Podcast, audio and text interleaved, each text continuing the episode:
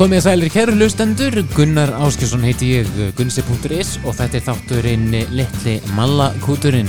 Það var þáttur, ég ætla að byrjaði strax að afsaka að ég var ógeðslega liðlegur í því að viðhalda þessum þætti. Ég sett inn tvo þætti síðast sumar og ætlaði mér síðan að halda áfram en, en tíminn bara einhvern veginn flýgur áfram og það gerðist ekki alveg nógu mikið en ég er búin að fá mikið af tölvupóstum frá fólki sem er búið að vera að hlusta, búið að hlusta fyrstu tvo þættina og þyrstir í meira. Þannig að það er við stannið þegar maður byrjar með podcast þá þá maður svolítið að viðhalda því.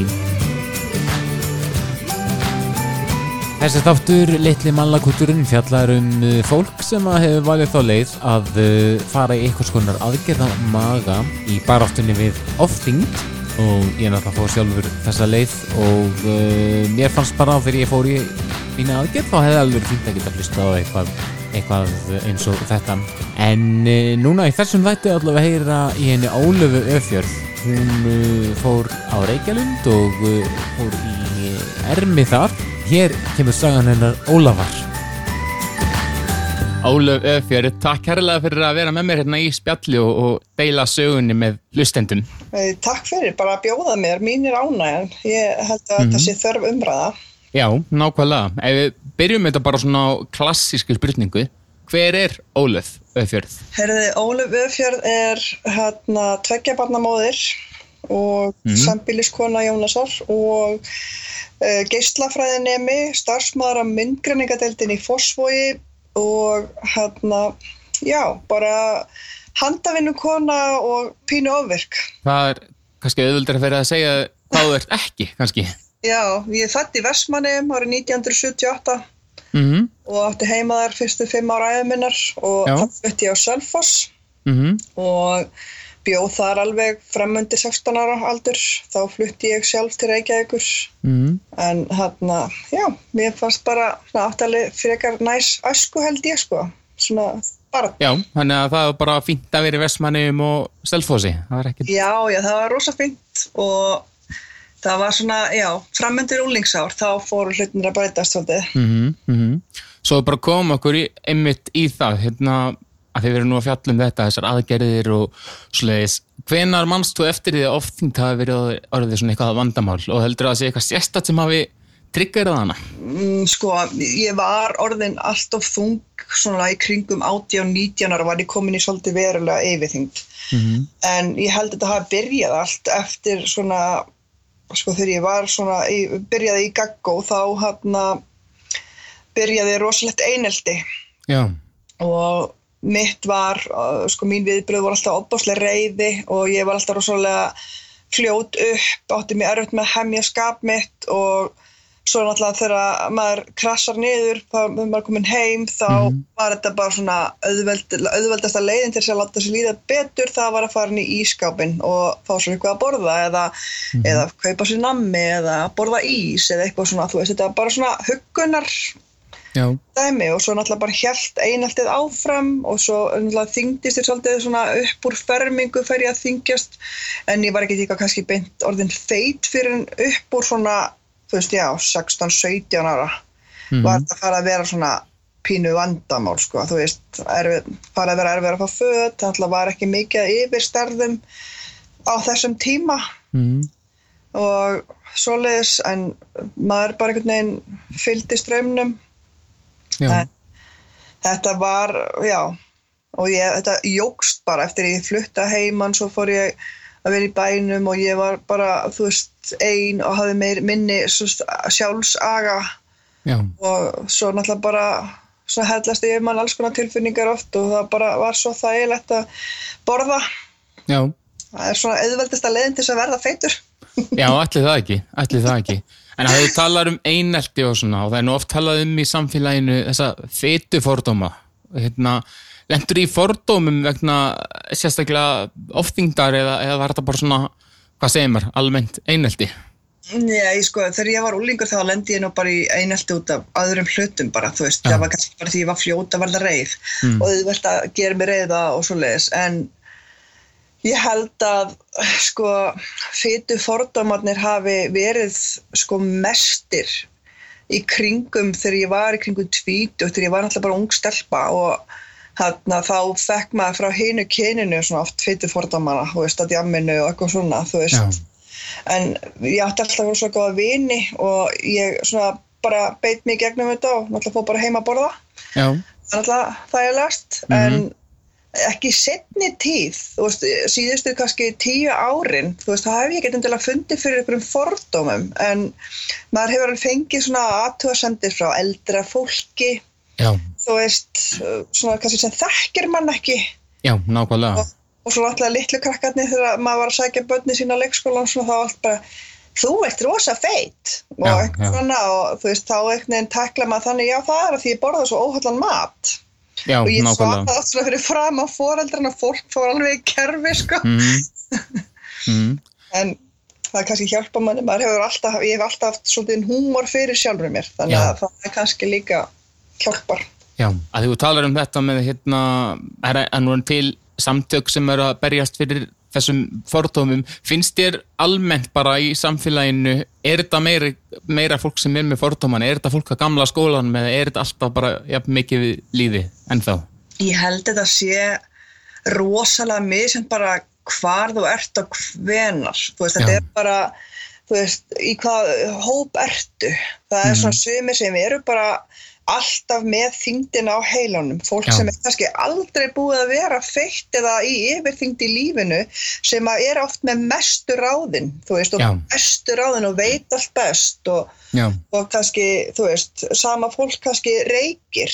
Mhm, og það dílar við sína, hérna, hérna, sínar, sína djöfla með því að fara út í smók og það reykir kannski bara ein, tvo pakk á dag. Já, og sko finnst ekkert vera að því og það bara er grænt að þetta er bara þeirra víma alveg svo við sækjum mat já, þá er þetta tóbakið. Það, og það svo segja ég, þú ert að borða bara allt og mikið og þú er bara að passa að borða að minna. Og ég bara, já, ég bara reykja ekki þú veist þannig að ég Mhm. get ekki farið út í smók sko, en ég gæti náttúrulega kannski bara verið fyllibitta, þú veist, ég meina það er líka kannski spurning um að verða bara alkoholisti og drekka og drekka og drekka, þú veist. Þetta er ekkit öðru, þetta er bara önnur fíkn Já. Og, þú getur farið út og huggaði með því að reykja meðan aðrir geta farið inn í ískápa meðan aðrir fara að drekka, þú veist, þetta er bara alls konar. Og svo eru bara aðrir sem að díla kannski við vanlíðan með því að fara út að hlaupa sem er náttúrulega bara væri best, skilur já, já, hérna, já, þú er búin að segja ykkur aðeins frá þessu, hvenar svona fórst þú að eh, gefa svona aðgerðum einhvern gaum eða pælið þetta geti verið eitthvað fyrir þig?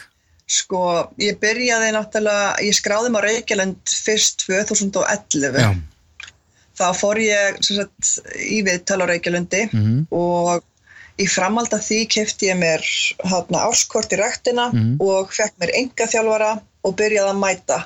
Já, og það bara gekk ótrúlega vel Mhm. og na, á nýju mánuðum léttist ég um 35 kíló. Já, og, og bara með þú veist, því að æfa og æfa og æfa og svo bara fór að hægjast á viktinni eins og að búið að segja við mig þú verður að gera grein fyrir því að þú hættir að léttast í ykkur tíma. Það er bara eðlilegt, Já. líka minn hann stoppar, bla bla bla. Þú veist Mhm. allt þetta, svona, þessi klísi sem er búið að segja við alla. Jú, jú, og þetta gerist alltaf náttúrulega hjá flestum en það var pínu öðruvísi hjá mér. Ég borðaði algjörlega hreint fæði já, og drakk aldrei neitt sótavatni eða gósi eða neitt. Ég borðaði bara prótein og grammeti. Mhm, og ég var aldrei með hámarkað hlæðslu neitt, ég, bara, ég var algjörlega á pjúra hreinu fæði í tvö ár. Mhm. en á þessu nýju mánuðum þá léttist ég um 35 kíló og það var bara eins og líka minn segði stopp. Já, og ég fór í alls konar rannsóknir. Eftir svo þrjá mánuði þá bara var ég fann að æfa nýju sinni í viku, ég fór að hlaupa 10 kílómetra þrísvar í viku. Mhm, þess að þetta var alveg svona algjör árátt hjá mér að bara, ég okkur fer viktin ekki meira niður og hún var bara stundum aðeins upp og ég bara, hvað er að gerast? Ég var komin svona panik.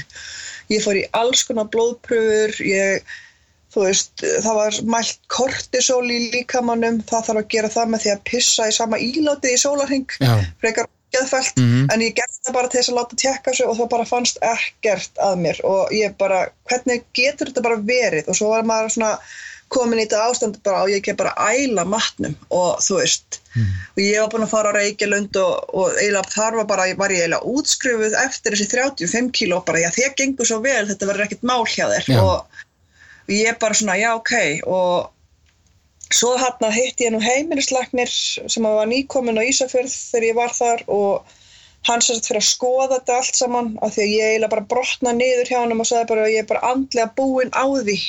Veist, þarna var ég veist, búin að verða ólétt, búin að missa barn og búin að þú veist, bara, bara ég var gjössamlega farin í höfðinu bara ég gat ekki meir og ég sagði með hann, ég er bara eins og dúrasil kannina bara það gengur ekkert. Bara, Mm. ég bara er að stanslust að hreyfa mig stanslust að gera allt, ég vinn mikið ég er alveg á fullu og það bara stopp bara búið stopp núna í bara eitt og hálft árið eitthvað.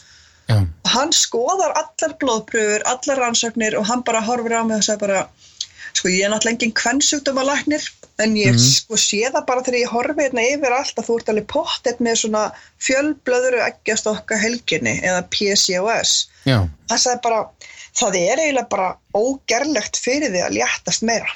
Já, þú munt aldrei komast niður úr þessari vikt skiluru að því að bara líka minn muna alltaf fara í þetta hamstur og vill bara ekki léttast. Já, og ég bara svona, þetta var svona skellur og ég bara svona, ok, og svo náttúrulega bjó ég þetta fyrir vestan og ég var bara, ég get ekki ferð suður í, hérna, aftur og veginn, ég var bara í smá uppgjöf eftir þetta og tók mig bara svona algjörlega pásu frá öllu sem heiti bara einhver svona skipuleg hreyfing og ég bara vann og og var í svona hálgjörðum móki bara þar til 2015 þá flytt ég söður Já, ákveð það bara nú ætlum ég að fyrir skóla. Ég ætla bara að byrja þar. Já, og hérna fyrir skóla og ég lemdi í svona erfiðri, reynslu heima fyrir og sambandið mitt og sambilismanns minn stóð pínu völdum fótum hérna í ár. Já, mhm, og það var mjög erfiður vetur. Ég mhm, bara var í skólanum og borðaði, var ekkert að spá í hvað ég var að borða svo sem og þarna held ég að ég hafi verið komin í svona sögulega hámarsþyngd og þú veist, ég veit ekki, kannski var ég þingri á einhverjum tímapunkti, einhver tíman en ég allan að viktaðist þarna þingst og um saumarið og ég hugsa með mér, nei, veistu það, þetta gengur ekki, ég er bara að fara að drepast. Mhm, eftir eitt ári í þessum skóla þá ákvað ég að ringja í heimilislækni, panta með tíma og lendi okkur um indvöskum lækni Keflæk sem að mér finnst já, og hann sem sagt skrifa beðin á Reykjulund og ég fekk viðtal sem sagt í janúar 2016 17, 16, ég maður ekki alveg Já. uh, og ég sem sagt fer svo já, var ekki bara 2017 ég ætla að koma hana í 2017. Já, þá var ég sama ára og þú. Já. Og hann, ég fer sér að, já, í janúar 2017 og hitti hann hjúgrunarfræðing og við plönum það að ég klári þessa fyrstu, þennar setni önnin í háskólanum og komi svo inn í mæ í, aftur í viðtal. Og þá Mhm. var ég með þess að bara búin að bæta þess á mig og hún hann svona skammar mig aðeins. Og, og ég tek það allt af mér á þenni mæti svo næst. Já, og svo bara fer ég í þess að kynningavíku á Reykjalundi sem hann alltaf bara breytti Mhm. lífminu og allt, allt öðruvísi prógram heldur var uppsett heldur mest 2011 það er bara miklu betur mannesku sem er með fjölskyldu Já, og, já. og svoleiðis og vinnu og annað mhm, mhm. Þannig þeir eru líka vel dvölin á Reykjalundi. þetta er náttúrulega bara var náttúrulega bara frábært Já, þetta var bara svo mikil svona bara uppvakning fyrir mig. Það var líka bara veist, þegar ég fór hérna fyrst þá átti ég að talja hitaeiningarnar svo þegar ég fer núna þá bara já, þú mátt borða allt sem þú vilt. Þú þarf bara að borða minna og borða og njóta þess að borða. Og ég Mhm. bara, ha, er Já. það eitthvað sem að má bara?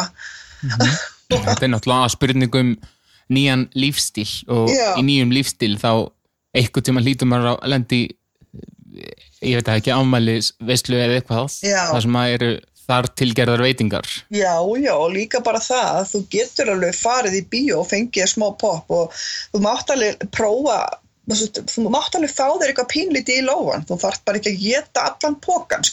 Já, Og þetta er bara svona að gæta þessa meðalshófs og þetta er náttúrulega stöðug æfing. mhm, Þetta er ekkit eitthvað sem að maður lærir á einu ári eða tveimur árum eða þreimur árum, þetta er bara svona eitthvað sem þú þarf alltaf að gera og, og ég, ég er alveg að, að lenda þar að þú veist, ég er alltaf bara, ef það er eitthvað sem er bara geggjaður matur eins og í gerðkvöldi var kjötsúpa og ég er alltaf búin að setja alltaf mikið á diskinu, svo náttúrulega bara borða ég ekki eitt þriðja af þessu sko. já, já maður er alltaf, þú veist eins og ég veit ekki hvað, maður bara skilur ekki af hverju þetta kemst ekki að það niður. mm -hmm. En ég var rosalega ána með prógrami á Reykjavík og mér finnst rosalega mikilvægt að fólk bara leggja á sig vinnu andlega, hvort sem það fyrir á Reykjavík eða í heilsuborg eða borgi fyrir sálfræðing eða bara fái sér einhverja aðstóð áður en það stígur þetta skref. Já, Þú veist, uh, ef, ég, ef mér hefði staðið til bóða að fara í aðgerðina árið 2012, þú veist, þegar ég er bara búin að létta þannig eitthvað slatta og ég, veist, ég er ekkert vissum að það hefði verið rétti tíminn.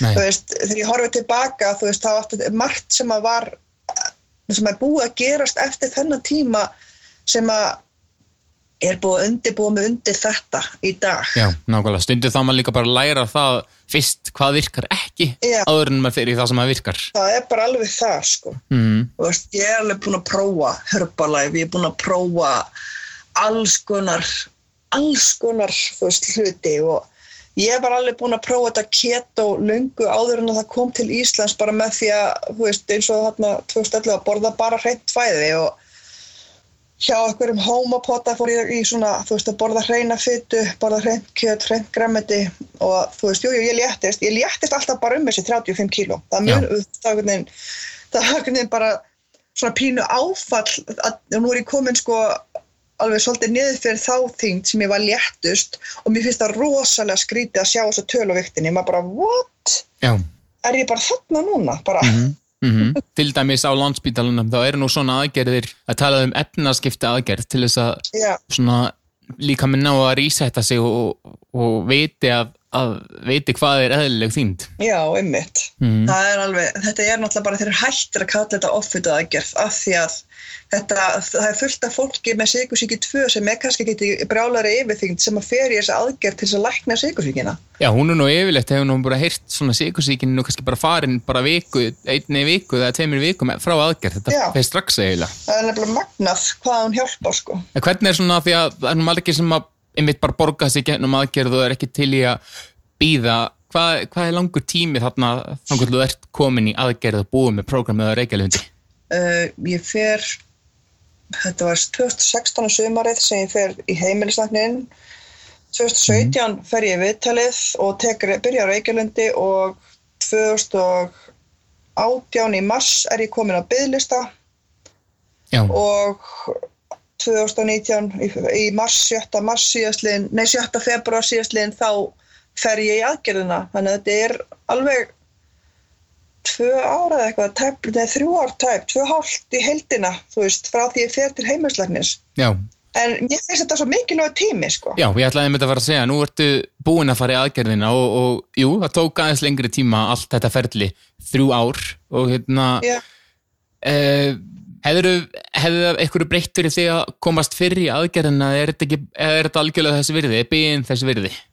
Byðin var svo mikil þess virði og hún hefði bara, sko, ég sko, bjóst ekki við, ég náttúrulega, þú veist, ég, fyrir, ég, ég fór í sjónvasvittal fyrir ára síðan, Mm. þetta í november í fyrra, Já, þá sagt, var, hana, hafði Hildur læknir og Reykjavík sambandi með og spöði hvort ég væri til að koma í viðtali, framhalda viðtali við Hjört, sem skurlæknir á landsbytalinu já, og hérna hvort hún megi gefa upp nafni mitt og símanúmer og ég alveg bara já, já, svona spá í þessu, já, já, og, þú veist, og, svo var hann fólk alveg að heldur þú komast ekki fyrr að og eitthvað svona, ég alveg nei, ég er nú ekki að sækast þetta því, ég bara, ef að, þetta er eitthvað sem er að fara að hjálpa samt fólki að komast í aðgerð, þá ger ég það náttúrulega og ég fer hérna í viðtalið og, og svo bara fóru greinlega hjólin að snúast því að það var bara keirt á aðgerðir á landsbytalunum í framhald af því Já. og ég fæ bara símtal hérna 13. með eitthvað í januar bara, herri, þú ert að koma bara núna 7. februar og ég fekk hálfgist áfalla því ég var bara búin að gera ráð fyrir því að ég væri að fara núna í haust já, nákvæmlega. ég var bara, hugsa, ég fer örugglega bara í september eða eitthvað Mm og ég var bara búin að sætta mig við og, og, og líka bara það, það sem að læri kannski á Reykjalundi að þetta er langklaup, Já, þetta er ekki sprettleip, þú getur ekki bara keftir gegnum þetta og bara keft þetta bara, bara mjó eftir ár og þetta er bara allt orðið frábært, Mhm. það er ekkit Nei. þannig. Þetta er ekkit frábært. nei, þetta er, þetta er lífstílsbreyting. Lífið- Lífið breyttist ekkert, jú, þú, breytt, þú getur borða minna og, og svona, en þetta er alveg sama baráttan, þú veist, þetta er alltaf í haustnum á manni og maður þarf bara, þú veist, ég fór alveg á réttum tíma fyrir mig í þessu aðgerð og Já. ég var rosa glöð að komast að fyrr en þegar ég var Mhm. en þeir líka þeir skáru jafn marga upp held ég núna fyrstu sex vikur ársins og þeir skáru upp allt árið í fyrra. Já, það er svo leiðis. það er eða me- meira jafnvel, þeir voru að skera alveg bara, þeir voru að fá skurdaga nokkur, einn, tvo, þrjá dag í viku og voru að taka fimm í hvert skipti. Þannig að þetta var bara, þetta gekk miklu hraðar heldur en vonir bara bara eins og var bara að vonast til þetta bara var ekki, veist, þetta kom bara óvast og ein vinkona mín sem að átti ekki vona að komast fyrir fyrsta lænuna fyrir jól hún fóð svo bara mánuð á eftir mér og hún var bara átti ekki vonað, ég fekk bara síndal hérna, kem- kemstu í næstu viku, þannig var mér mm. -hmm. flýtt um viku eða eitthvað, þú veist Já, já, að það gekk svo vel að skera, þeir voru að fá svo mikið auka dögum og þeir notfærðu sér það alveg bara og það er rosa mikilvægt það er bara veist, sko það er einn galli sem að mér finnst á þessu öllu saman mhm, og það er að ég hefði til dæmis alveg viljað fara núna, þú veist, svona hálfa ári eftir aðgerð hefði ég alveg viljað fara eina viku reykjulegt. já, mhm, Ég finnst það vanta og þú veist, mm. prógramið er náttúrulega sett þannig upp að þú eigir að fara í aðgerð milli, þú veist, eftir hálft ár þá eigir að fara í aðgerð og koma svo aftur eftir hálft ár og Já. í loka viku mhm, en það mætti samt alveg gera þú veist, aftur núna eina viku, þrjá, fjór daga þú veist, eitthvað, það þyrfti að vera eitthvað svona smá svona að skerpa á hlutunum. Ég þarf alveg, ég er alveg búin að vera að skoða alla öll blöðin sem við fengum og lesi hérna bókum og svona, þú veist, bara reyna aðeins að koma mér á punktinn, sko, ég finn Já. alveg mér finnst þetta pínu erfitt núna. Mhm, og það er kannski þegar það er ógislega mikið að gera hjá mér og ég er í svo mörgu, ég er að kaupa mér hús og ég er að breyta bílskur íbúð og það er bara svona allt að gerast og ég hef ógislega lítinn tíma og ég er bara svona finna að það er ótrúlega erfitt að borða eitthvað ég, annarkvort er ég ekki að borða neitt eða borða eitthvað sem er ekki holdt og mér Já. finnst það ógislega pyrrandi já, nákvæmlega, nákvæmlega. Hvernig er einmitt, ég ætla að spyrja það því, þú fer þannig í februari aðgerðina Já. og núna allavega þegar þetta er tekið upp, við erum í oktober 2019, hvernig er bara venjulegur dagur kannski hjá það, Hva, hvað færðu þér í morgumat og hádegismat og svo leiðis? Sko, ég hef verið að vinna svolítið með að borða egg, sko. Ég, hérna, mm. kallið minn vaknar alltaf klukkutíma undan mér á mótnana og síður egg fyrir strákin okkar í Mm. Þess að hann tekur Já. með sér í nesti og ég, þá síður alltaf egg fyrir mig í le- leiðinni, þannig að ég tek eitt, tvö egg með mér í vinnuna eða skólan, hvað, hvað er að fara í. Og Já. ég er að vinna svolítið mikið með nýja keaskeri þarna með kaffibræðinu. Já, Það er náttúrulega alveg styrla gott, sko. Þannig að mhm, Ég er, mhm, alveg bara, ég er alltaf að passa upp á þessar sex skamta prótini sem er svona lámarks inntaka Já. prótin á dag mhm, og ég er að borða þetta og ég stundum er ekki að ná þessum sex skamtum af því að ég bara næ ekki að borða svona oft yfir daginn en já, ég borða opbáslega oft harfisk með mm Já. sem fá fytuna mhm, og, en svo bara borða ég vennilega kvöldmat sama hvað er í matinn, þú veist, ef það er hakk og spagetti þá borða ég hakkið, mér finnst spagetti ekki fara vel í mig. Uh, þú veist ég borða bara já, allt fisk og kjöt bara eins og það er bara hvað sem það er, hvort það sé hakk eða eða, eða hambúrgari, ef það er hambúrgari matinn, þá fæ ég mér hambúrgari ég borða bara ekki brauðið, já, nákvæmlega, ég sleppi alveg brauði. Ég get ekki, mér finnst bara óþægilegt að borða brauð því mér finnst ég bara verða ótrúlega fljótt sött og mér finnst það bara taka mikið pláss og ég, svo er maður bara ekkert sko sáttur eftir það. Nei, nákvæmlega, Þannig að, þú veist, mér finnst einhvern veginn ótrúlega fyndið að því að ég var rosalega kolvetna fíkil, ég elskaði pasta fyrir aðgerðina, núna bara langa mér ekki í það, ég bara get ekki sett það inn fyrir minn munn, bara, þú veist, og það er eitthvað svona sem er alveg nýtt fyrir mér að upplifa það, eitthvað sem ég, mér fannst alveg frábært og nú get ég ekki borðað það. já, hann hefði mig talað um allavega við mig á, á landspítalunum þegar ég fór í aðgerðina, Já. að svona, það ætti svona með öllu jöfnu að verða þannig að, að manni langar frekar í matinn sem að gera manni gott Já. heldur en eitthvað svona drast sem að gerir ekki neitt Það er alveg þannig, sko. Ég, já, en það pasta er náttúrulega ekki neitt þannig að, Nei, nei, og það er líka bara, þú veist, maður verður einhvern veginn, ég er búin að borða pasta tvís og sinni með eitthvað eftir aðgerðina og í bæði skiptin þá bara borðaði örfá og mér leið bara ekki svona, mér leið ekki illa en ég var bara veginn svona ógeðslega þreytt og ég bara, uh, þetta er ekki að gera sér sko. Já, en aftur á móti er ég alveg sjúk í nautakjött, mér finnst nautalundir alveg bara og, svona, og rúspif, ég, ég er svolítið að vinna með það að kaupa mig bara svona niðursneitur rúspif, svona álegg. Já, já. Það er mjög fínt að það passlegt, það er 60 grömm, það passar akkurat fyrir mig í nesti sko. Mm -hmm, mm -hmm. En- En já, taldu, já, já ætlaður eitthvað að segja eitthvað meira. Já, það, og ég, svo, já, það er svona það sem ég tek með mér eins og í vinnuna. Ég tek með mér skýrtollu, ég tek með mér rúspif og ef það er afgangur á kjúklinga eitthvað til þetta heima þá tek ég það með mér, þú veist, þetta er bara svona, ég er meira að vinna með afganga, bara, þú veist, eitthvað svona bara til þess að fá næringu. Já, nákvæmlega, nákvæmlega. En talandi um það, því það eru nú til nokkra gerðir að þessara aðgerð. Það er hjáveita og það er ermi og, og svo náttúrulega til magaband sem að Reykjalundur eða landsbítalinn náttúrulega gerir ekki. Hva, hva, hva, í hvernig aðgerð fórst þú? Ég fór í magaermi. Já, Það var bara það eina sem var í bóði fyrir mig.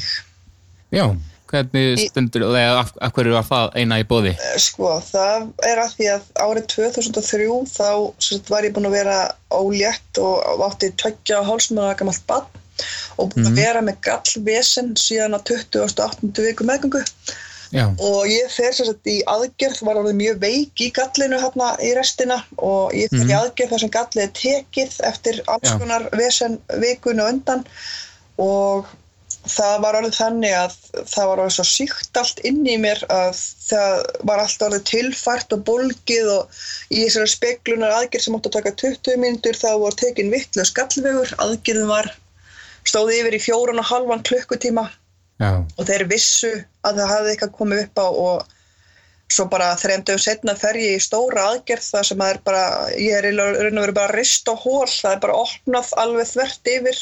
Já, og þar eru teknar 40 cm af gögnum til að græða á livrina svo að gallið ætti sína leið í magan já, Þannig að þegar ég fer í þessa aðgerð og ég hitti Hjört þá var hann alveg sammála mér því að það væri sko algjörlega síðasta sort fyrir mig að fara í hjáitu af því að hann sagði bara ef við förum að gera það þá er komið þrítenging á Já. gagnið Mhm. og þannig að þetta bara mun aldrei þetta er miklu, miklu lengri aðgerð og miklu, miklu meira vesen fyrir þig og þetta, það er ekki víst þetta gangi vel. já, nákvæmlega. En hann var heiðarlega með það og ég var líka búin að sjá það sjálf þegar ég fór að Reykjalundi. Ég verður aldrei kandidat í það aðgerð og ég er mjög heppin af því að ég hef aldrei einu skiptin sem ég hef fengið brjósviða í lífinu það er út af því að ég var ólétt eða þá ég var bara búin að geta mikið að lammi og gósi sko. Já, já, Og ég hef ekki fundið fyrir brjósviða eftir aðgerðina nema bara, jú ég fekk brjósviða í fyrra kvöld þegar ég borðaði hambúrgarhrygg svo smá sneið og ég aldrei þóla það eftir gatstinn aðgerðina þannig að það er ekkert eitthvað sem að koma óvart. Nei, nákvæmlega, nákvæmlega. en ég er mjög ánað með ermina. Hún alltaf virkar hægar heldur en hjá þetta ég hefði öruglega verið búin að léttast drastiskara ef ég hefði farið í hjá eituna, hún virkar miklu miklu hraðar fyrir fólk já, sem er í svona mikill yfirþyngd eins og ég var í. Mhm, en hún virkar. Og hún virkar og svo alltaf hjálpar PCOS-ið ekki heldur. Nei, nákvæmlega. það er líka pínu að hæja þannig ég er ekki að að sko hrinja niður alveg bara eins og fólk gerir ég er, en ég er alltaf niður samt. Já, nákvæmlega. ég er að reyna að vera ókslega þólimáð og bara og ég er að passa mig á því að vera ekki að bera mig saman við aðra, mér finnst það erfitt. Já. Veist, þegar vinkuna mín fór í aðgjörna og hún er bara, bara húrrast niður og ég er bara svona já, þetta kemur hjá mér. Veist, ég var alltaf þingur en hún og þú veist, hafði meira að tapa. Búin að vera lengur feit. Já, það líka hjálpar ekki. Nei, en þetta kemur allt, ég er bara jákvæð og ég hana, er bara ógeðslega ánað með mig eins og ég er. Já, það er nefnilega það sem máli skiptir, vera bara ánaður með sig. ég bara, eh, þú veist, fór til útlanda síðustu helgi og ég hérna fór í Primark að kaupa mig föt og eitthvað sem ég átti ekki vona og þá bara passaði allt inn í lards í fötum sem hefur gert síðan ég var svona 17 eða eitthvað. Já, já. En þú eru eflags margir að hlusta og eru einmitt forvittnir um aðgerðina sjálfa. Já. Hvernig, bara þegar þú vaknaður um morgunin heimahæður og varst að fara í aðgerðina, hvernig, hvernig bara var dagurinn þegar þú vaknaðir? Ég veit bara, svo, þetta var alltaf, ég fór bara á fætur, fór sturtu, uh, blésa mér hárið og slétta það því að ég er svo rosalega krullharð og ég verð svo ógislega ljótt úfin ef ég ekki með slétta hár þannig ég er Já. eitthvað ekki að líti út eins og grilla eftir þess aðgerð.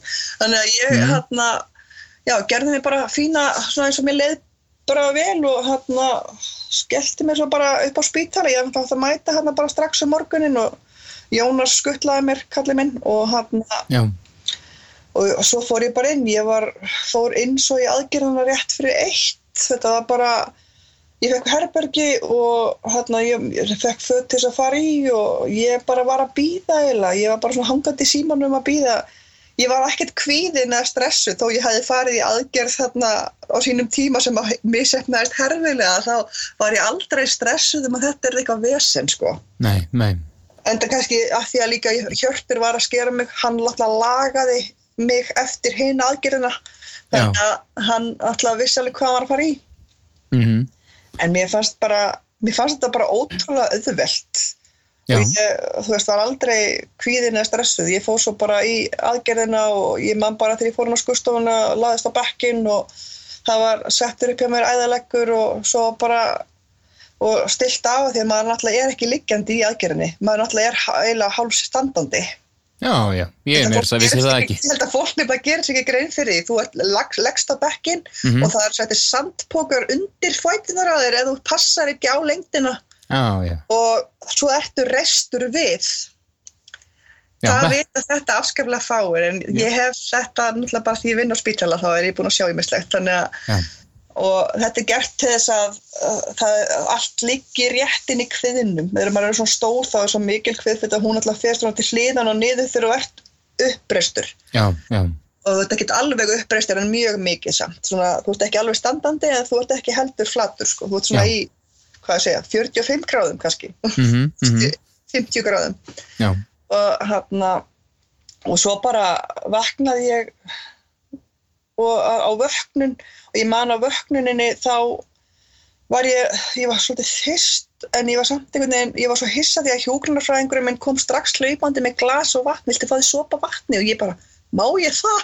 Mm. og ég var svona bara svona pínu svona slæð en svo bara var ég mjög fljótt komin niður á herbergið mitt og ég var bara, ég var svo hissa ég gat, mátti bara strax fá töflur til þess að gleipa og eitthvað. Og ég var svona alveg bara, má ég gleipa bara strax? Ég var svo hrætt um Já. að skilja eitthvað. Mhm, en ég, ég var mjög, var mjög óglatt að taka inn verkjalifin fyrst, sko, þar til síðasta tablan sem ég tók á þenni fór heim.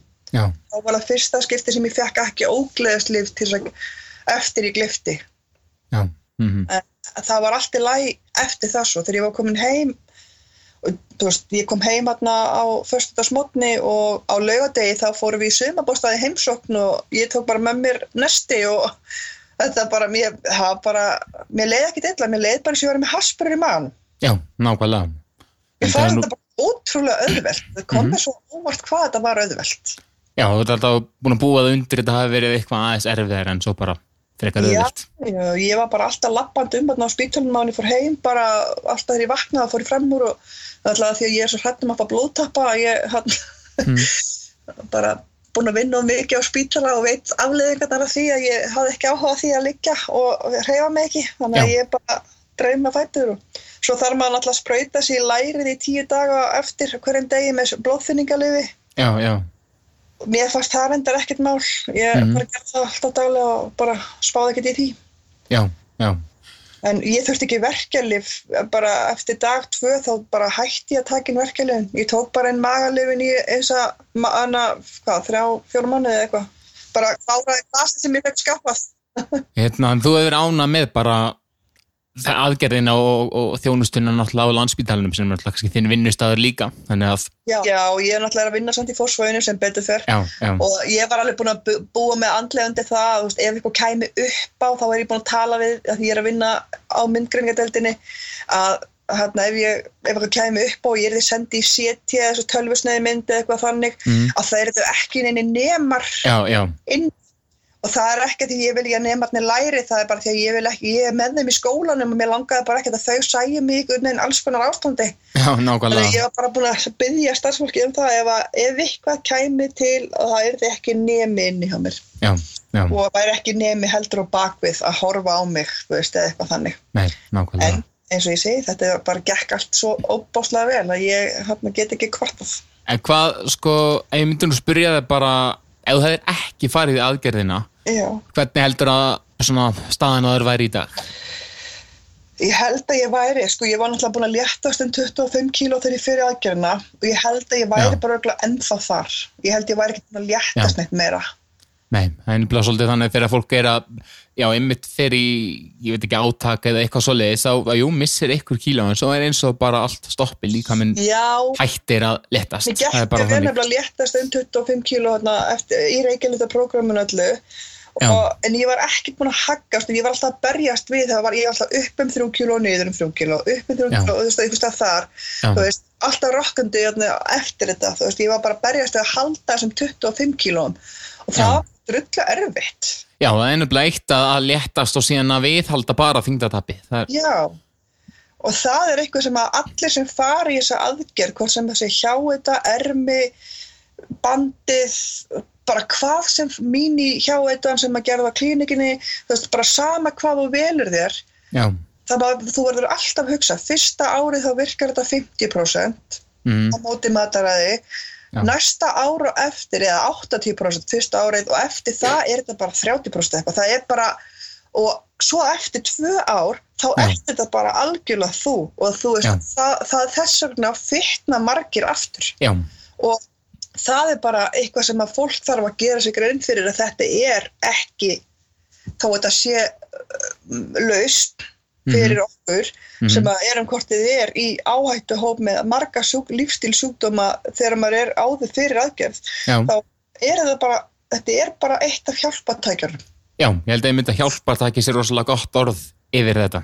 þetta er bara alveg eins og þegar þú fótbrotnar þá færðu hækjur. Já, og þú ert og gifs og það hjálpa þér bara í x tíma á meðan þetta er að gróa. Já. og þetta er bara á meðan heilin er að gróa og hausin er að komast saman og svo eftir þessa aðgerð þá þartu að hugsa þetta svo ofbóðslega hverjum degi. Og mér finnst þetta bara ennþá erfitt. Mér langar rosalega ég til dæmis er algjör nammi fíkill og mér finnst Mhm. alveg ekki að fá mér nammi. Já, og bara, en ég reyndar bara viðkynna það, ég hef bara ekki drukkið sikra gós í fimm ári eða eitthvað. Mér Já. langar ekkert í sikra gós mhm, en ég er bara þessi, na, ég elska súkulaði sem má nú segja að ég- jákvæði frétt með þar ég þóli mjög illa að borða eitthvað súkulaði eftir þess aðgerð já, það er alltaf alltaf ljós í myrkrinu.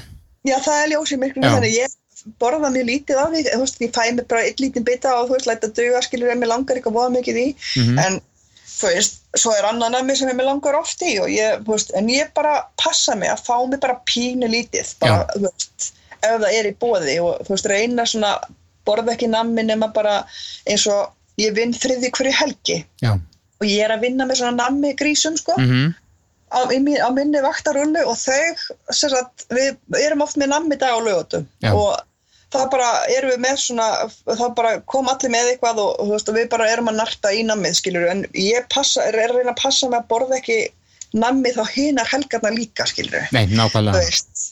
þannig ég er svona að passa veist, og ég- mér gengur bara alveg vel með þetta, skilur og, Mhm, en ég fæ mér stundum pop Já, mér fínt að fá mér pop mhm, mhm, á og til svona að mér langar í eitthvað að poppa bara Já. og það er fínt. Já. en annars við bara er allt voðalega svipað lífið heldur bara sér vana gang þú veist, ég þarf ennþá að mæta í skólan og ég er ennþá bara pínu þjætt og það er það þó ég sé ekki eins og ég segi, ég er ekki spik feit lengur og ég, þú veist, ég er ennþá með minn maga sem er náttúrulega bara svona ekta PCOS bumba sko sem að konur fá sem að fá þennan sjúkdóm. Mhm, en hann er búin að mýta alveg helling.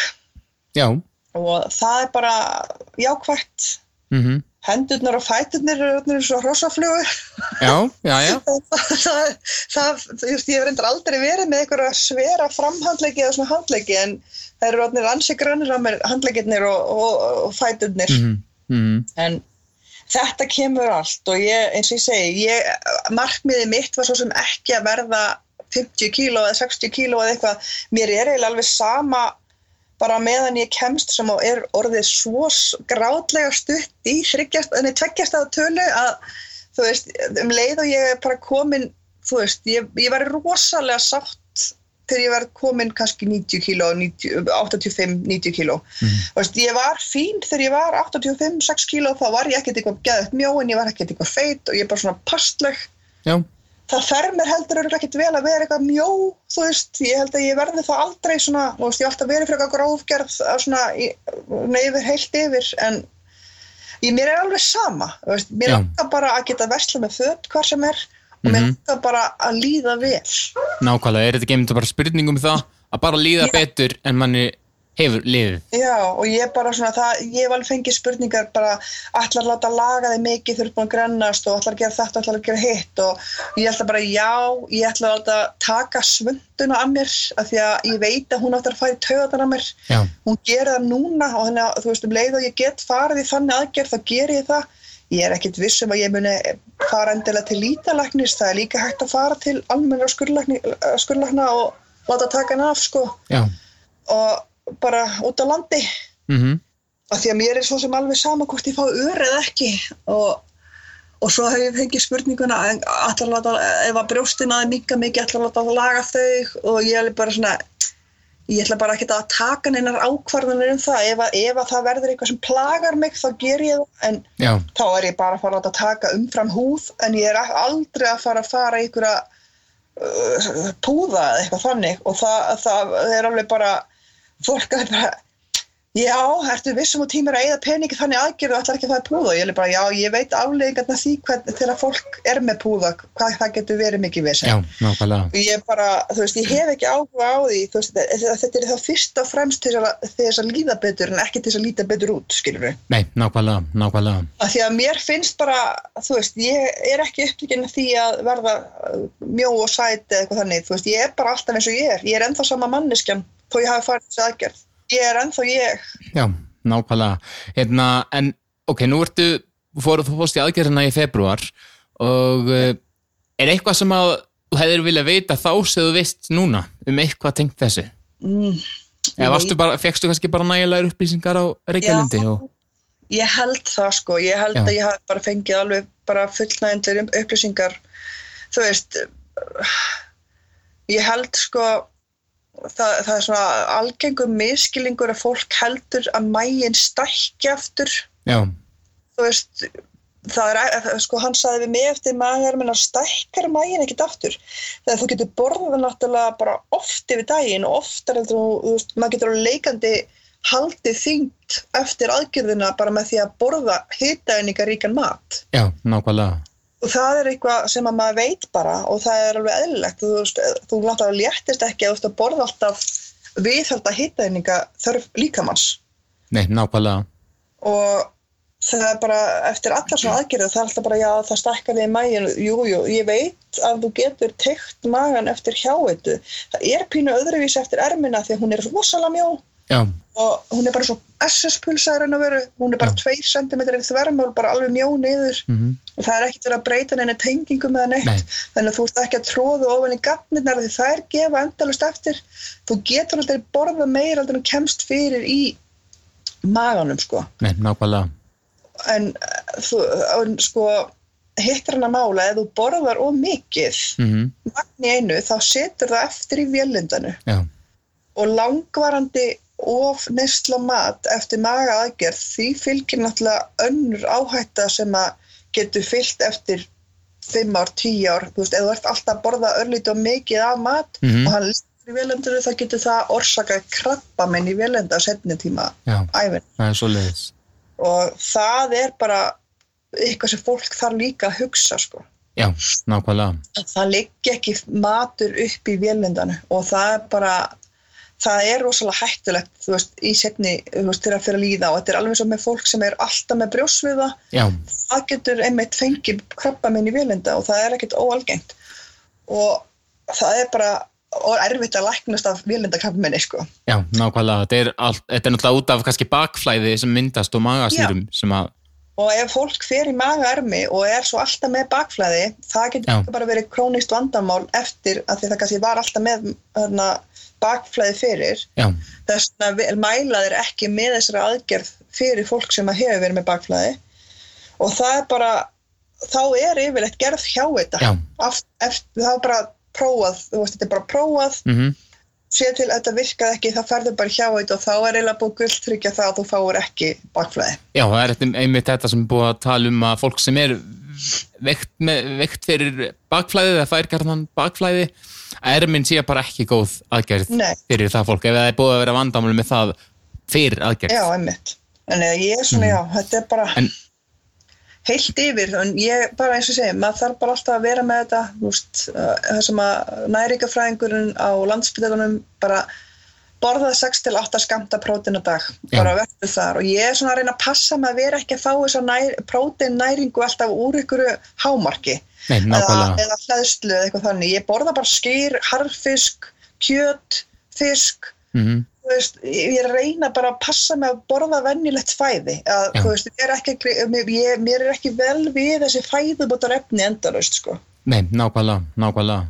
Það er bara eitthvað sem að, þú veist, ég hef ekki trú á að sé gott fyrir líka mann að fá eitthvað sem er búið til í veksmiðu.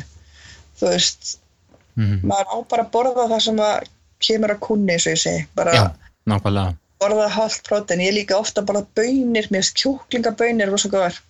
mm þann baunin, baunaréttir og eitthvað svona. Þetta er bara, já, rosa erfitt. Það er eitt sem kom mér á óvart svona matarlega séð er að ég þóli afskaplega illa fest salat. Fest salat, já. ég get Mhm. bara eldað grænmeti og svoleiðis en mér finnst mjög erfitt að borða svona ég er búin að skera nú kál og papriku, gúrk og tomata og eitthvað svona og kannski lauk eða eitthvað þá bara er ég ekki að, þá bara líður mér eins og ég sé að fara að fá brjósviða eða svona uppdembu eða eitthvað, ég borða það bara ekki Nei, og það var ekki eitthvað sem var vandamál fyrir Nei, alls ekki, ég borða mikið af þessu fyrir sko. Já, já, en ég borða ég get alveg borða tómata svona staka og ég, ég er oft með það bara svona með mér svona sem, svona til þess að narti sko. Mm og gúrkuna sér og paprikuna sér og svo leiðis en er eitthvað, það er eitthvað sem er ekki að blandast. Já, já, nákvæmlega. Ok, nú eru konur átta mánuðir uh, síðan þú fórst í aðgerðina eða þar um bil. Og uh, ég myndi bara spyrja þig núna eftir þennan þessa átta mánuði hefur eitthvað komið upp ykkur eftirsjá með að hafa valið þessa leið? Aldrei, ekki eina mínútu. Nei, og að það kom fyrst á eftir fyrst eftir aðgerðina þá var, það var bara svona þegar ég sá viktina fara niður fyrir þessa tölu og svo þessa tölu og svona fyrst á eftir svona fyrstu þrjá mánuðin það bara akkur er ekki löngu búin að fara og svo núna þá veit ég svarið því að ég var ekki tilbúin já, nákvæmlega, nákvæmlega En þá bara eiginlega síðasta spurningin hvernig er lífið í dag? Hvað ert að bralla í dag?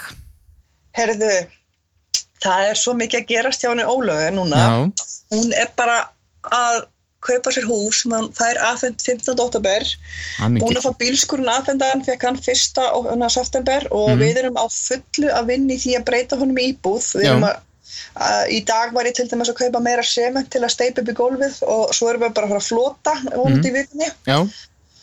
Ég er á fullu, ég er í 100% námi í Háskóla Íslands í mm. gesslafræði, ég er á þriðja árinu mínu og fæ BS-gráðuna næsta vor já, og svo er ég í 50% vinnu upp, á, hana, upp í Fossvæði á myndgræningadeldinni þar mm. og, og já, ég er bara í ritgerðasmíðum og bara það er allt að gerast. það Ég- allt að gerast Það er rosalega fínt að fá meiri tími í sólurhengin en það hjálpar að vera pínu ofirk. Já, já, en ok Ólaf, þú fóst á Reykjalund og það er rosalega margir sem að halda að þegar þú farir á Reykjalund í svona prógram að þá þurfuru að fara í aðgerð en það er, það er ramt eða hvað Það er algjörlega ránt og það er líka bara það er bara þannig að við erum öll mismunandi sumum gengur rosa vel eftir bara að hafa farið á Reykjulund og tekið til í haustnum á sér, fengið alla aðstofuna sem er bara í bóði, það er svo Já. mikið í bóði mm. og það var sér rétt fyrir mig að fara í aðgerð. Það var rétt ákvörðum fyrir þig og mig. Já. þá er það kannski ekki rétt fyrir næstu mannesku, kannski þarf hún bara smá spark í rassin og bara tiltökt í höfðinu og bara sé verkværi sem maður fær þar. Já, það dögar ekki öllum. Og svo er það líka bara þannig að þú veist, það er ekki það er ekkert endilega, þú veist, það er fullt af fólki sem að er bara í svolítið yfirþyngd sem að líður bara vel þannig og er bara fallegt og frábært og, og bara fabulous Mhm. og það er bara þannig, ég var bara ekki fabulous eins og ég var orðin og Já. það var ekki það, þú veist, ég var eitthvað ég átti alveg fött og, og ég var alveg, þú veist, bara glöð manneskja en ég gat vall orðið reynd skóna mína sjálf og Já. þú veist, þetta var svona orðið þannig og þetta bara að fara upp og niður stiga var eitthvað sem er með kveð fyrir núna bara stekki upp og niður alla stiga eins og kengura og er ekkert að spá í því en þegar þetta fara að hamla þér í lífinu Já. Þá þarf þetta að taka skrefið. Hvað mm. viltu gera? Og það getur verið nóg að fara bara reykjulund og fá hjálpina þar. Já, og sumir fara ekkert í aðgerðin og gengur bara rosalega vel. Já, og svo eru aðrir sem fara í aðgerðina og gengur líka rosalega vel Mhm. og svo eru örfá case sem að fara í aðgerðina og gengur ekki vel Já. og það er eitthvað sem fólk þarf að átta sig á það er ekki frábært hjá öllum þó að Nei. sé frábært hjá mér og þér þá er það ekki hjá frábært hjá hennum Gunna út í bæ sem að fór í aðgerðina og hann er bara alltaf með brjósviða og honum líður bara alltaf illa þegar hann borðar og hann bara er búin að hríðhórast og hann er kannski bara búin að þurfa að fara í aðals, aðra aðgerð upp á spítali til þess að laga eitthvað og þú veist, hann er búin að þurfa að fara í fullt af rannsóknum og við heyrum alltaf þessar sögur aftur og aftur og Já. aftur sama fólkinu, en eins og Hjörtur saði við mig, hann saði þessar sögur eru kannski tíu manneskur sem hafa lent í því að það misefnaðist eitthvað. Já, það er bara og það, það eru eins og hann sagði það er einn af hverjum 700 sem hann hefur skorið já, sem hefur misefnað sem hann hefði ekki átt að skera. Já, nákvæmlega. og, sagði, og svo sagði hann og svo er það að fólk sem að velur sér að fara til ríka í Lettlandi það er til dæmis bara ekki sama aðgerðin og eins og erminn sem er gerð þar sem að rosalega margir hafa farið í. Mm það er ekki gerð eins og þeir gera hana hérna sem er komin gríðaleg reynsla á. Já, og það til dæmis er erminn fjóri centimetrar í þvermál. Já, og hann sagði bara það er svo margt sem er hættulegt og fólk fer algjörlega kannski óplanað út, það er ekki búið að gera neitt í haustnum á sér og þú veist auðvitað fáum við þessar hryllingssögur. Þær eru alltaf á lofti Já. en síðnast eru sögurnar þeim sem gengur bara alltaf vel. Nei, nákvæmlega, það er bara eins og með allt í er, maður, maður er fljótari að heyra neikvæðu sögurnar. Já, og þetta er bara svona með bara allt mögulegt. Þetta er bara alveg eins og með hræðilegu tannlæknarsögurnar Jón fótti tannlæknir og hann er bara ömuleg tannlæknir af því að Jón lendi í honum en, en tannlæknirna sér sér bara búin að gera góða hluti með alla hina kunnana sína skilur en það bara Já. kom eitthvað upp á hjá þessum eina þetta er bara alltaf svona Já. með allt sem við gerum í lífinu Já, nákvæmlega, nákvæmlega. Ólaf Öfjörð, takk kærlega fyrir að deila þinni sögu með hlustendum og ég er ekki vafumöðun og ég er ekki vafumöðun eftir að hjálpa mjög mörgum. Já, takk fyrir að bara bjóða mér í viðtalið og ég vona bara að allir taki upplýsta ákverðun í lífi sinu í framtíðinni Mhm. og dæma ekki fólk sem fer í þetta. Mhm. Finnst það skipta máli, að dæma ekki fólk hefur bara sitt val. Já. Þetta eru góð lokaörð. Takk fyrir spjallið. Takk sem neðis. Ólöf Öfjörð, takk fyrir þetta segi ég nú bara enn og aftur áhugaverð saga en uh, ég minni á netfangið hjá uh, mér gunsi.gunsi.is ég vil endilega fá að heyra í þér kæri hlustandi bara hvort þú höfðu spurningar varandi þáttinn eða er til í að uh, sitja fyrir sörum og vera í viðtali hérna eins og hún Ólöf var í rétt af hann Ég tek þessi viðtölu upp í gegnum Zoom fjarfundabúna þannig að skiptir einhver máli hvar á landinu þið eru stödd eða þú ert staddur kæri hlustandi við getum upp viðtali í næsta þætti heyri við áhugavert viðtalið hann á Olgu Helgadóttur. En hún fór í magaermi í kennum eitthvað stofu hér á landi og e, hefur mjög áhugaverð að sögu að segja. Ég lofi ykkur því. Ég þakka kærlega fyrir áhærðina í dag en heyrum sér næsta þættin Gunnar Áskilsson hveður að sinni